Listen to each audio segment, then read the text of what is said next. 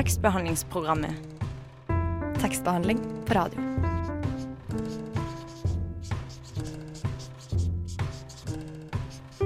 Tekstbehandlingsprogrammet.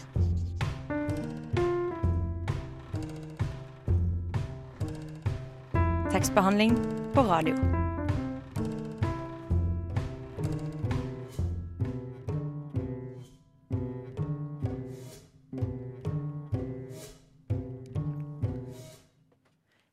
Velkommen tilbake til tekstbehandlingsprogrammet her på Radio Nova. I dag er det hint av sol, masse pollen og slettes ikke sommer ute. Jeg heter Stine Spjelkvik Hansen, og med meg i studio så har jeg August Tekre. Ja, hei, hei. I dag får vi besøk av forfatter og forskningsformidler Åsmund Eiknes. Han har skrevet en slags moderne kjærlighetshistorie om figuren Håkon og alle menn i hans liv. Boka ved navn Håkon skal vi snakke mye mer om den neste timen. August først. Har du en litterær eller tekstuell opplevelse Tekstuell? eller oppdagelse som du vil eh, dele med oss i dag? Ja, jeg har faktisk eh, Det er litt juks, da, for jeg har gått uh, et sånn dypdykk, eh, dypdukk i det. Men mm.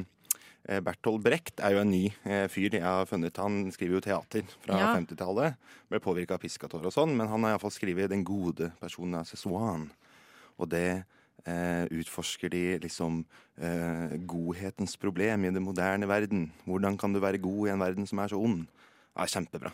Ja, jeg har lest eh, The Mother eh, av han, Mm. som jeg syns var dritartig. Nå husker jeg ikke hva den handla om. eh, sånn utover liksom eh, ei mor eh, som kjefter. Men eh, skikkelig artige greier. Mm. Sjøl vil jeg anbefale eh, dette er et tips som egentlig kommer fra rushtid. Eh, Da vil jeg anbefale å gå inn på Språkrådets eh, nettside og velge å abonnere på Språknytt. Eh, Der kan du også få masse brosjyrer om klarspråk og alt mulig rart tilsendt. Er gratis. Hei, det fikk jeg fikk den pakken med alt mulig rart i går. Eh, Favoritten min hittil er Kanselista, som er en brosjyre med ord og uttrykk som eh, kanselleres, som skal ut av språket. Oi, skal vekk, faktisk. De skal bort. Får ikke være her mer. Bort med det. Eh, Nå, eh, før vi går og tar inn gjestene våre, så skal vi høre Juno og They See You direkte fra Radio Novas ferske A-liste.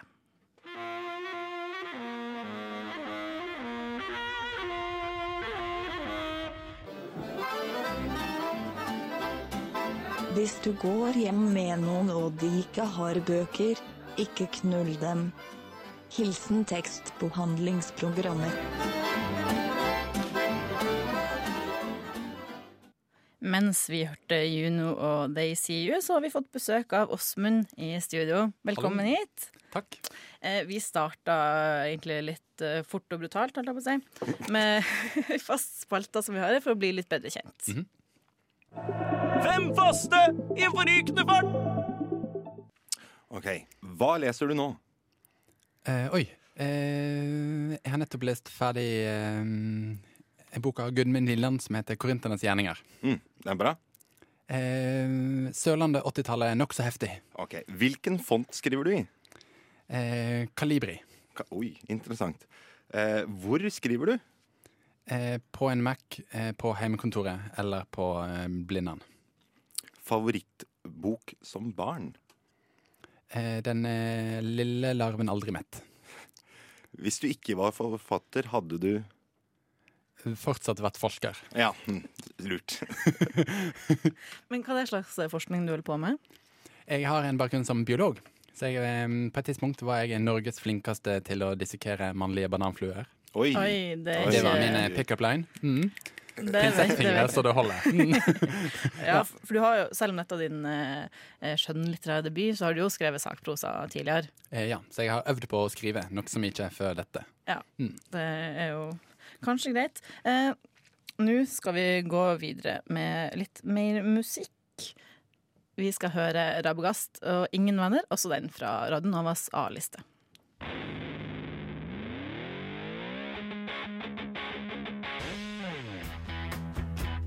Hallo, mitt navn er Knut Nærum, og du hører på tekstbehandlingsprogrammet.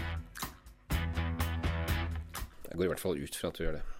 Det regner jeg også med at du gjør. Eh, og med oss i tekstbehandlingsprogrammet på Radio Nova så har vi Åsmund Eiknes, eh, som har debutert med eh, ja, det blir rett å si det. Jeg sier det nesten automatisk, fordi det er den første skjønnlitterære boka di. da. Det oppleves også sånn som en debut med en roman. Ja, Det er bra at jeg ikke gjør meg helt bort her, da. Eh, Håkon, som boka heter, handler om Håkon, eh, som er sammen med Arve. Og Arve omtales som liksom, en dominant type på omslaget, men han er kanskje litt mer enn bare det også. Eh, jeg vet ikke om det er greit å si da. Jo da. Spolerer kanskje ikke så mye. Eh, uansett, da. Håkon vil kanskje ut av forholdet, men det er jo ikke så lett. Eh, Boka handler også da om relasjonene som Håkon har til andre menn, ikke bare Arve, og om han sjøl. Og er delt inn i tre deler med navn etter tre av disse viktige mennene i livet hans. Eh, om, eh, forlaget eh, omtaler også boka da som en moderne kjærlighetshistorie. Hva er egentlig en moderne kjærlighetshistorie, tenker du? Det er et fint spørsmål. Jeg tenker at en moderne kjærlighetshistorie mm, er da ei historie der teknologien kommer i veien for det som ville ha vært en nokså rett fram historie for 50 år siden. Ja, for det er jo en sånn element av liksom, eh, ulike apper og sexting og sånn. Mm. Eh, tenker du at det er det som gjør det moderne, eller er altså det det handler jo hovedsakelig om tre eller fire menn? Mm. Kanskje begge deler. At Ja. en kan si at den er moderne fordi den er blant de første bøkene som gir eh, voksne homoer i 30-åra hovedrollene i flertall, og tar livet deres på alvor, som ikke skjer så veldig ofte i norsk litteratur. At det er et viktig og måte, tydelig signal i 2019. Og så tenker jeg også at måten sosiale medier påvirker livet vårt på, er mm, litt uavklart. Hva blir konsekvensene på lang tid? Og de fleste av oss håndterer det sikkert nokså fint, men det er ikke sikkert alle er like Kanskje Det er feil å si robust, men like eh, Har de strategiene de trenger på alle de tider av livet til å ikke la seg lokke inn i verden av eh, alt er så lett tilgjengelig hele tida. Nei, ja, du har jo plutselig kanskje 100 folk i lomma, på en måte, selv om du har noen på andre sida av bordet. Det er jo klart at det gjør noe med måten man forholder seg til hverandre på. Ja. Jeg hører stadig flere som sier at det blir mer og mer kynisk. At de holder igjen, og de våger ikke å by på alt de har. Fordi de vet at på andre sida av bordet sitter det noen som lurer på om nestemann er bedre. Ja, det gjør jo noe med tida vi lever i. Og for Håkon er det en, bidrar det til å gjøre situasjonen hans litt vanskeligere enn den hadde trengt å være. Og hva gjør Håkon til noe annet, da? Eller eh, eh, hva- Altså, hva tenker du kanskje er en klassisk kjærlighetshistorie, da? Kontra en moderne? Haha. I, um, hvis en bruker Hollywood sin romcom-modell for en Mm. klassisk kjærlighetshistorie, så ser en kanskje for seg at det er en hovedperson som i starten av historien møter noen som de tenker er litt utenfor sin liga, eller som de egentlig vil ha, men ikke tror de kommer til å få. Og så må de gjennom en serie med hindre for å ende opp med prinsen til slutt. Ja, jeg har kanskje tenkt at livet er litt mer komplekst enn som så. Um, og har vel egentlig vært mer på jakt etter hva skjer hvis en ender opp i et forhold der en tror en har valgt plan B. Der en, den litt ubehagelige følelsen av at jeg tror kanskje jeg skulle ha valgt noen andre. Hvordan, hva gjør en da? Mm. Ja, det syns jeg er både spennende og vanskelig, og noe jeg kjenner på, jeg tror mange kan kjenne på i ulike deler av livet. Som jeg gir og ja, som Håkon i alle fall får kjenne ordentlig på. Mm. Mm. Da lurte jeg egentlig på om du kanskje kunne ha lest litt for oss, sånn at eh, de som kanskje ikke har rukket å lest boka ennå, får et Ja. litt innblikk i hvordan her eh, går for seg. Jeg venter på trikken mot slutten av ettermiddagsrushet. Heim for å stryke den blå skjorta, så rett til middag. Mobilen i handa blar forbi ukjente overkropper og får et smil før jeg ser de, krøllene. Grønn prikk, han er pålogga. Jeg starter en melding, men tre ord dukker opp mot den svarte bakgrunnen før jeg har skrevet mer enn et hei. Jeg er klar, står det. Orda får følge av et smilefjes, det samme som fra i dag tidlig. Jeg mimer, svarer at jeg også er klar. Noe har losna i meg. Så kom det, skriver han. Jeg får ei adresse, leiligheta ligger noen kvartal oppover mot parken. Jeg flytter beina, tar til høyre rundt hjørnet, tunge steg inn i snøen. Det kom nesten ti centimeter til lunsj i dag. Krysser gata, finner blokka. Ser mot dørene, teler oppover, finner rett nummer. Det durer når inngangsdøra går opp, lette steg inngangen, venter på heisen. Opp, opp. Det plinger, ei dør på gløtt. Der står han, smilende, avslappa med håndduken rundt livet. Som om han visste at jeg ville komme når han spurte, som om han har gjort dette mange ganger før. Hei. Det pleier ikke være jeg som tar styringa, men noe er annerledes med han, med oss. Kom inn. Jeg har allerede lukka døra, vipper låsen mot venstre, sikrer oss fra omværet. Han tar et steg bakover, lar meg stille meg framfor han. Kanskje er han noen få centimeter høyere enn jeg, jeg kan se rett inn i øynene hans. Det er for enkelt å si at de er brune, de gløder. Jeg smiler, han tar tak i handa mi, fingrene hans er tørre og varme. Handduken faller mjukt til gulvet. Pulsen min, eller er det hans, dundrer mellom veggene. Jeg kysser han. Fyrverkeri, en klisjé som sprenger meg i fillebiter. Tusen takk. Eh, Nå skal vi høre en sang som du har eh, valgt, eh, Sigrid. Eh, kan du si litt om eh, hvorfor du har valgt den sangen? Eh, Det gir meg en fredagsfølelse hele uka, og det tenker vi må ha mer av.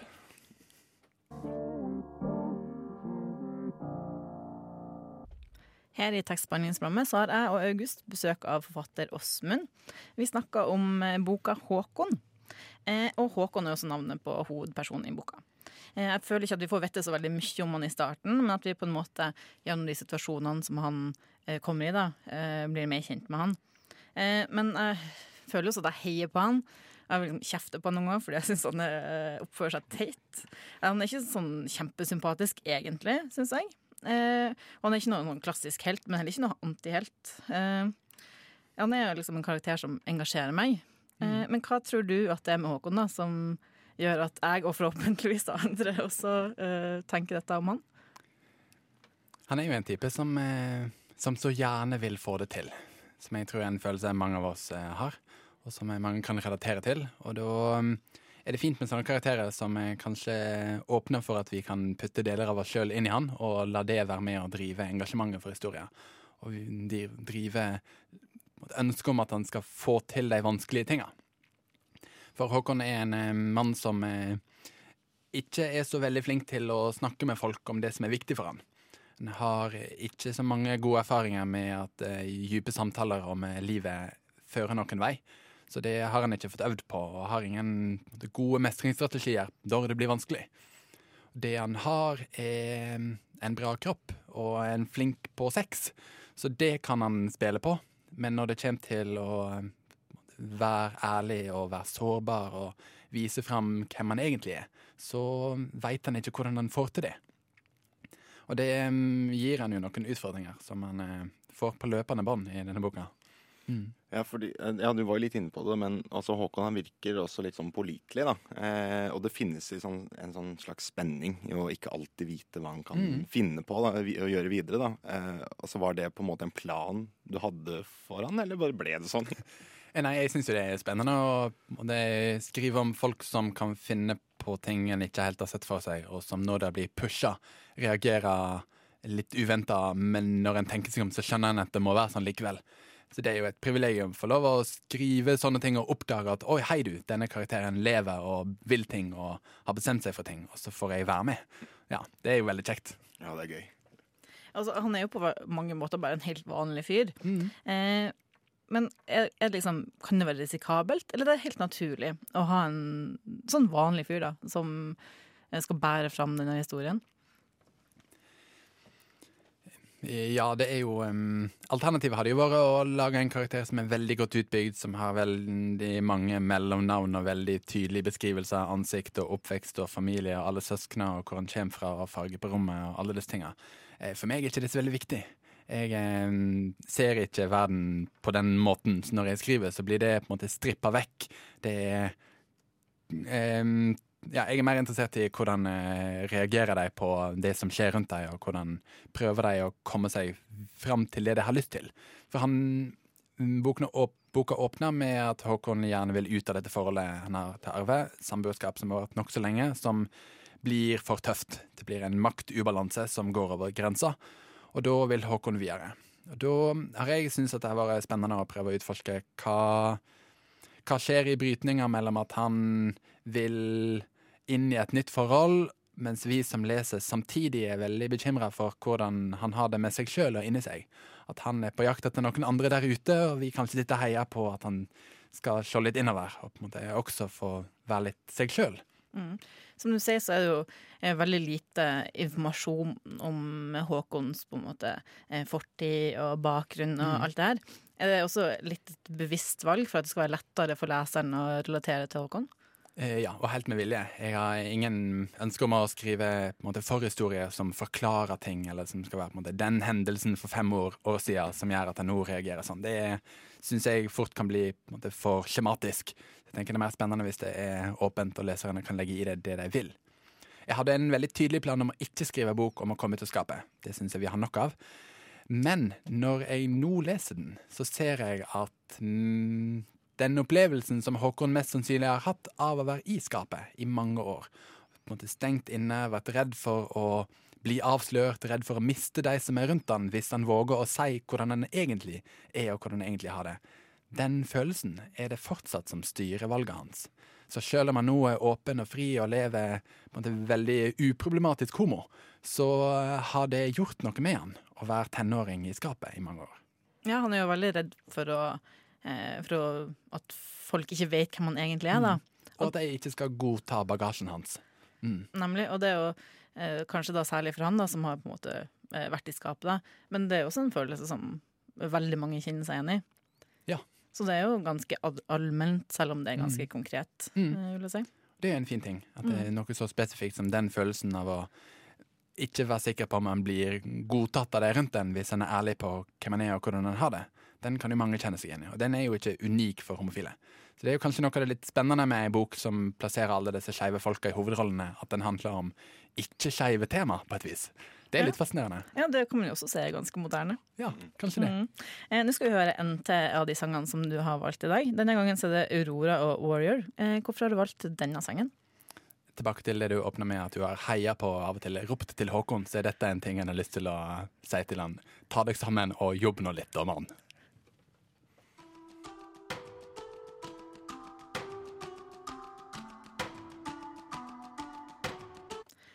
Det var Aurora og Warrior. Eh, I tekstbehandlingsprogrammet så har vi besøk av Åsmund Eiknes. Og nå skal Åsmund lese litt fra boka Håkon. Jeg gjemmer meg mellom svette kropper, presser meg mot deg, gynger i takt.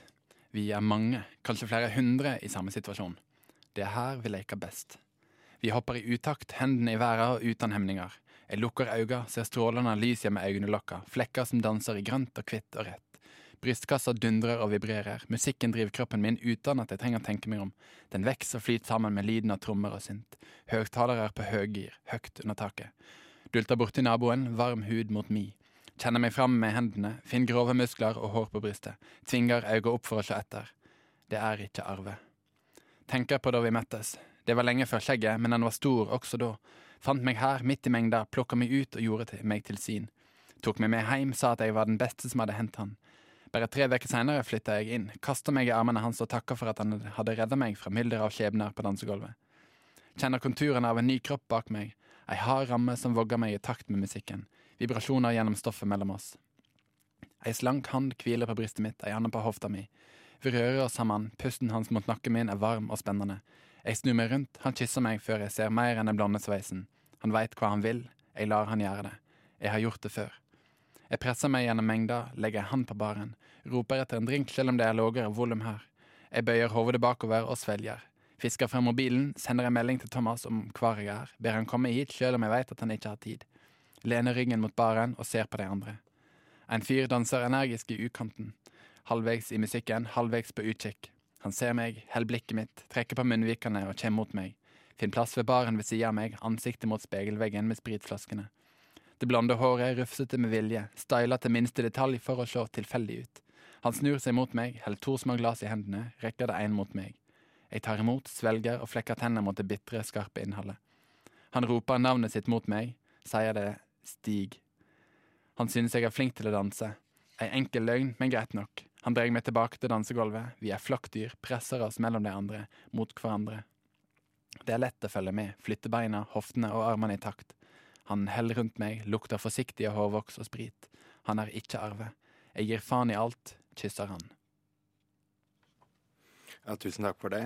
Og i en sånn historie som her, da, med mange relasjoner, så er kanskje sex er kanskje en viktig del av uh, boka. Eh, og det er iallfall en tydelig og ganske stor del av, av, av Håkon, altså boka. Kanskje ikke karakteren nødvendigvis. Eh, hvor bevisst har du vært på sexdelene eh, i boka? Jeg har tenkt at jeg skal ta det på alvor. At når eh, målet er å skrive ærlig og direkte om eh, voksne homoer som i perioder av livet er single og har sex med folk, og det skal i bok, så må en skrive det ordentlig. Mm. Ja, Så det har jeg vært helt eh, tydelig på at det skal være med. Ja. Men du er ikke redd for at det kanskje blir for mye, eller for lite, kanskje? Begge deler? Eh, jo, jeg er redd for begge deler. At det blir for mye og at det blir for lite. At folk opplever at det er der hele tida, men det er aldri tatt helt ut. Eller at det er ikke nok, eller at det er for pinlig når det først er der. Ja, ja. Og det er jo møkka kleint å sitte på jobb og skrive disse scenene. Og det kommer man liksom ikke unna, men det er dealen. Jeg Må bare tenke at eh, sorry, mamma, men eh, dette trenger ikke du å lese. Her må en skrive på. Og så får en jo hjelp til å redigere. Og, ja. Føler du at du har truffet liksom, rett balanse der? Jeg føler iallfall jeg har kommet unna det som fort blir logistikk. Hvor ble det av den armen, og hvor er den tunga nå, og hvor er det kjønnsorganet? Og det, så fort blir det sånn tekniske beskrivelser. Det har jeg prøvd å styre unna. Ja. Ja, for hvordan skriver man egentlig en god tekst? Det er jo ganske mange eh, klisjeer man børster unna, og sånne logistiske problemer. Mm. Hvordan, hvordan gjør man det? Eh, man prøver å være der og um, ha fokus på noen få ting, ikke alle tinga, og um, retning fremover. Ja, så det er ikke, jeg tenker det er unødvendig med sexscener som er der bare for å være der. I um, denne boka så er de veldig tydelige de har på en måte en Det skjer noe rett før eller rett under eller rett etter som er målet med scenene, som jeg har tenkt. Og da er det det som er poenget. Ja, funksjonen. Ja, for eksempel at rett etter at han har hatt sex med Thomas, så dukker det opp en situasjon der Thomas inviterer han til å overnatte. Og da, selv om det nettopp har vært veldig intime, så våger ikke Håkon å være intim på samme måten med å bruke tid sammen med denne mannen. Som for meg trenger å eller som jeg tenker er på en, måte en av de viktige kontrastene i livet til Håkon. da, At en er så flink til det fysiske og, så, og strever så mye med det psykologiske eller det mellommenneskelige. Og det tror jeg ikke hadde fått fram på samme måte hvis jeg ikke hadde våga å skrive så direkte om sexscenene for å få fram kontrasten til det som skjer etterpå. Hmm. Kjempeinteressant. Eh, men jeg hopper over til litt, an, eh, litt annet tema. Eh, for det er jo ikke så veldig vanlig med homofile eh, hovedpersoner i litteraturen eh, nå. Eh, det er kanskje en sånn type karakter som ofte ikke får nok plass til å være mer enn bare homofil. Hvordan har du forholdt deg til det? Som et stort savn. Jeg har veldig tydelig savna å kunne bruke litteratur som modeller for mitt eget liv. Jeg er par og 30 nå, og det er mange år siden sist gang jeg la seg en bok der jeg tenkte dette kan bli mitt liv om fem år, eller sånn kan det være å være noen andre som er i min situasjon, eller ja. For um, en kommer et godt stykke, men ikke i mål med alle disse tenåringsromanene og komme ut og skape historiene som blir finere og finere, og veldig kjekt at de måtte bli lykkelige romantiske komedier. Uh, men uh, jeg har helt andre utfordringer i mitt voksenliv enn uh, å være 17 år og pubertal. Ja, ikke sant, absolutt. Ja. Og der tenker jeg at litteratur bør være med på å vise oss mangfoldet av hvordan være voksen i dag, og ta opp eh, ulike mannsroller og relasjoner, og hvordan snakke godt sammen, og hvordan ja, finne ut av disse tinga. Er det noen fallgruve når du skriver en roman som dette, som jo handler om de tingene som du nevner her? Er det på en måte noen ting som du har vært liksom, veldig obs på at her kan det gå galt, eller sånn bør jeg ikke gjøre det, eller ja. Eh, Ja, kanskje to ting. Det ene er å um, være redd for å ekskludere ikke-homofile lesere. Eh, Det ser ut til å være helt uproblematisk at uh, veldig mange andre enn de homofile vennene mine syns at det er stas å lese. Så det ser ut til å funke. Det andre er vel utfordringa med å lage stereotypier. Og uh, våge å skrive fram folk som er forskjellige, uten at de blir måte karikaturer av ytterpunkt. Ja. I boka er det da Håkon, og så er det tre andre menn, Stig og Arve og Thomas. Og de er nokså like og nokså forskjellige. Eh, og det har jeg syntes har vært både spennende og litt utfordrende å finne ut av hvor ulike kan de være uten at jeg blir på en måte sånn en sjablongmann. Her har vi den klassiske homoen sånn, og så er det den andre stereotypien der, og så er Boa-sjalet der, og så ja. Jeg syns det er litt mer spennende hvis de er litt likere og litt mer eh, grautete på midten av et sånt spekter. Så blir det litt mer eh, knuff. Eh, I denne boka så er de jo Det er liksom Det er jo på en måte kan, altså Det er teit å kalle det liksom homofil kjærlighetshistorie. Men altså Det handler jo om menn, men det er jo menn. Eh, det er liksom ikke hovedpoenget er jo ikke nødvendigvis at de er homofile. At? Eh, men hvordan blir homofile menn egentlig representert i litteraturen, eh, tenker du? Vi har jo lenge vært sidekick. på underholdende måte Underholdende humorfolka på sida som er med for å vise mangfold og ta opp det problematiske med å være homo. Eh, De måte, utfordringene og de psykologiske traumene det medfører å være annerledes, Det har jo på en måte vært en sånn eh, mangfoldsalibi for. Men det som skjer når en eh, flytter fokus over på å beskrive verden fra hodet til en homofil mann, som ikke lenger tenker at han har et problem fordi han er homo, så skjer det en del andre nokså spennende ting. Blant annet så får en da et blikk på verden som der verden ser nesten helt lik ut som i alle andre romaner. Men jeg tror likevel at det er noe med, den, med det skeive perspektivet hans som fargelegger og gjør at han får fram nyanser som en ikke ser hvis en ikke velger um, Ja, når en um, Hvis all, alle historiene skal fortelles fra hvite, streite menn sine blikk på verden, så blir de veldig like. Og ved å velge andre folk til å stå i sentrum, så ser en nyanser som en ikke hadde sett ellers. Og det tenker jeg er, er viktig at litteraturen tar tak i. Mm. Tror du at det blir tatt tak i nå? Eh, ja, eh, det gjør det. Og det er mm, to eksempler fra fantasyverden som er um, satt til um, afrikanske land med mytologi og magi og mystikk knytta til eh, identitet med afrohår og um, ja, vikingtid i Afrika, eh, som blir på løfta opp som det nye Game of Thrones, nye Harry Potter. Måte, de nye bølgene av minoritetsfolk som får være hovedpersonene uten at det er fokuset. Ja, så jeg tenker at eh, hvis en vil, så er denne boka en del av noe større som er med på å belyse verden fra veldig mange ulike perspektiv, som trengs. Ja, det er jo veldig sunt å ta alle på alvor. Eh, Nå skal vi gå over til den siste sangen som du har valgt. Eh, 'Some Nights of Fun'. Hvorfor har du valgt den?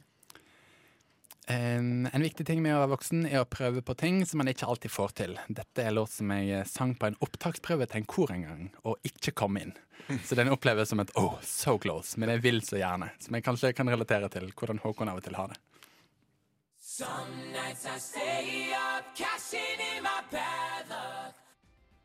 Hei, jeg heter Aune, og du må høre på tekstbehandlingsprogrammet. Fordi kunnskap og viten, det er det mest vidunderlige på denne jorden.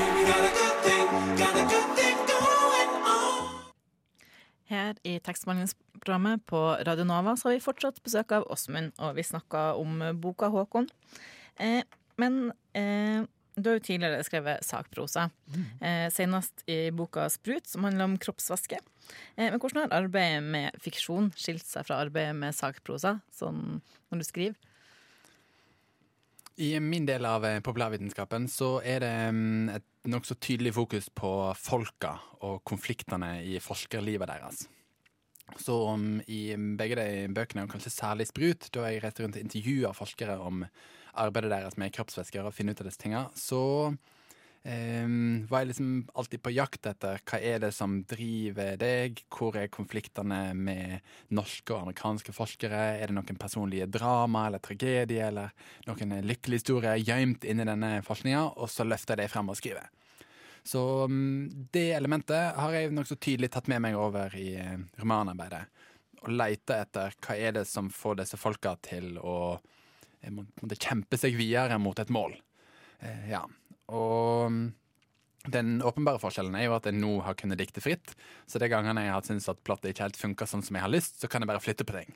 Det kan jeg jo åpenbart ikke i populærvitenskap. Da er jeg liksom stuck med sånn var faktaene. Det skjedde det året. Da kan jeg ikke bare ombestemme meg og flytte på ting.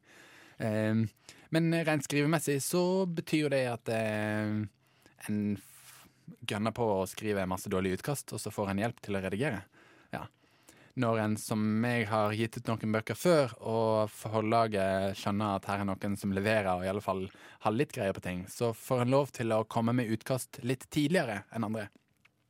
Så til dette prosjektet så fikk jeg lov å sende inn eh, nokså mm, halvferdige utkast etter en sånn skrivekonkurranse i november 2016, der jeg var med på sånn National Novel Writing Month. Skulle skrive en roman på en måned.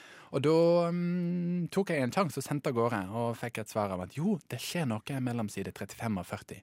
Vi beholder det. Kan du levere nye 100 sider om fire måneder? Og det, det er jo et luksusproblem å få komme til et forlag og få sånne type tilbakemeldinger på en tekstsjanger som veldig mange andre sitter hjemme alene med i årevis. Så det er jo et um, litt sånn urettferdig privilegium når en først er innafor. At en kan få jobbe sammen med flinke folk fra tidligere i prosessen. Ja. Jeg vil bare smette inn et spørsmål som ikke har noe med Håkon å gjøre. Men hva er den mest spennende kroppsvæska? Um, hjernevaskvæska. Den som flyter rundt eh, inni og rundt hjernen vår for Oi. å vaske den. Mm. Der er det masse vi ennå ikke veit. Det holder på å etablere seg et fagfelt er, der det ser ut til at vannet i hodet vasker hjernecellene våre når vi sover.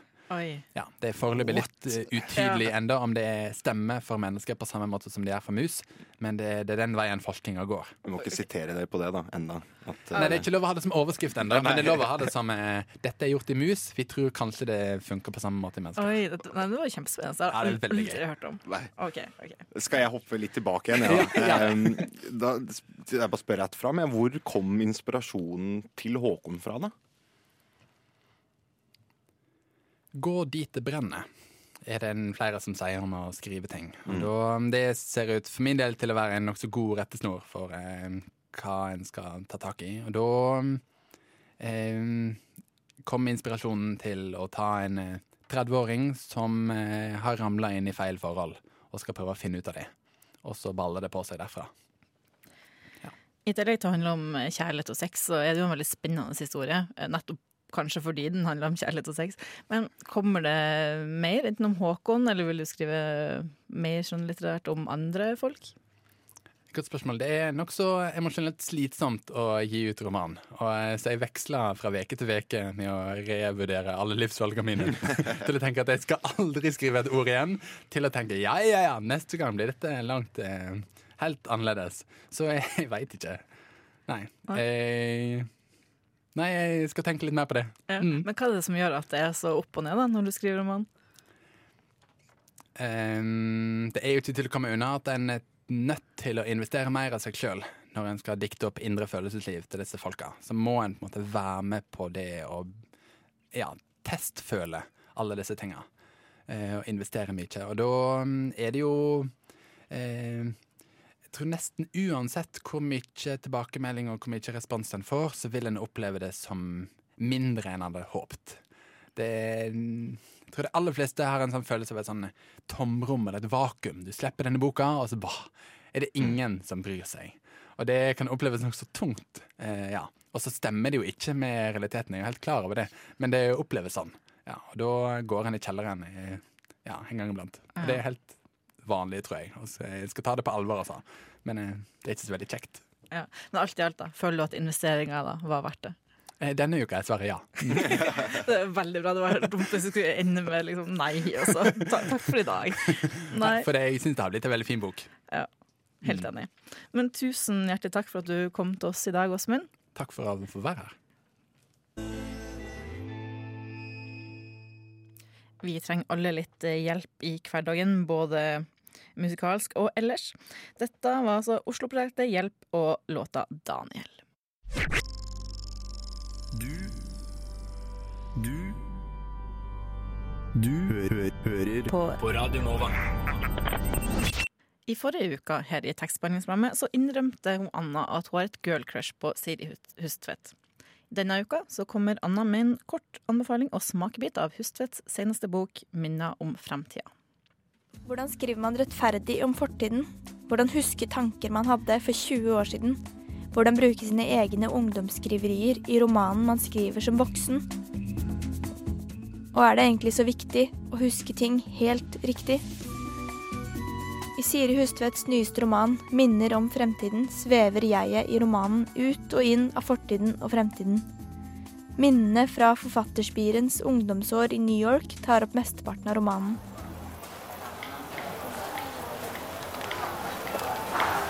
Years ago, I left the wide, flat fields of rural Minnesota for the island of Manhattan to find the hero of my first novel. Hun vet aldri helt sikkert hva som er hennes egne minner fra ungdomsåret sitt i New York, og hva som er oppdiktede dagboksnotater og romanutdrag. Det er heller ikke det viktige her, for det er sånn minnet fungerer. Vi vet ikke sikkert hva vi husker helt som det var, og hva vi har tillagt vår egen fortelling. Minnet er noe som opptar Siri Hustvedts forfatterskap. Selv om deler av romanen, særlig fortellerens egne romanutdrag fra en bok som aldri ble noe av, ikke interesserer meg like mye, er dette en bok for absolutt alle unge, letende mennesker. Alle som kan kjenne seg igjen i hovedpersonen SH. For det er som det står oppsummert på bokens bakside. SH er ofte rasende. For ikke å bli sett. Å bli tatt for gitt. Å bli oversett. For at menn tar seg til rette. Og for å bli fortalt hva som er riktig og galt. Og hvilket ungt menneske kan vel ikke kjenne seg igjen i noen av disse følelsene?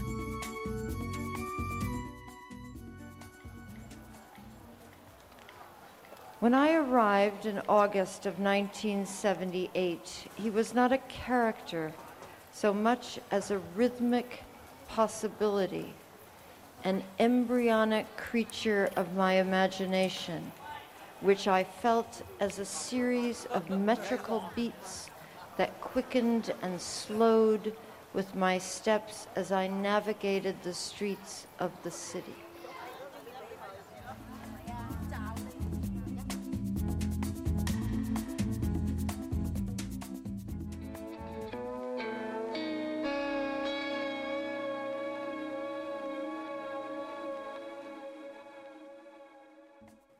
Norske Selmer og det som muligens er en sommerlåt, 'Thinking Freely', her på Radio Nova i tekstbehandlingsprogrammet.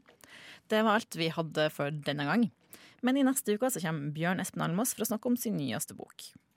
Og hvis du ikke fikk med deg denne sendinga her live, så kan du alltids eh, høre oss på din favorittpodkast-app eller på Spotify. Og så må du ikke glemme å følge oss på Instagram og Facebook. Facebook, Facebook. Vi er ikke så gode til å oppdatere, men vi skal jobbe med saken. Vi jobber med det. Ja, Du kan også høre alle mulige slags gamle sendinger på de stedene som August akkurat nevnte.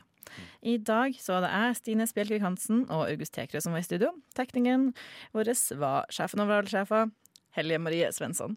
Takk for oss.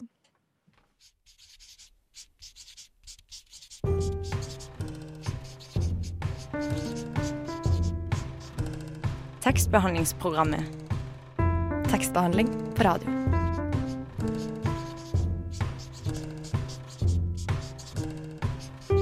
Tekstbehandlingsprogrammet.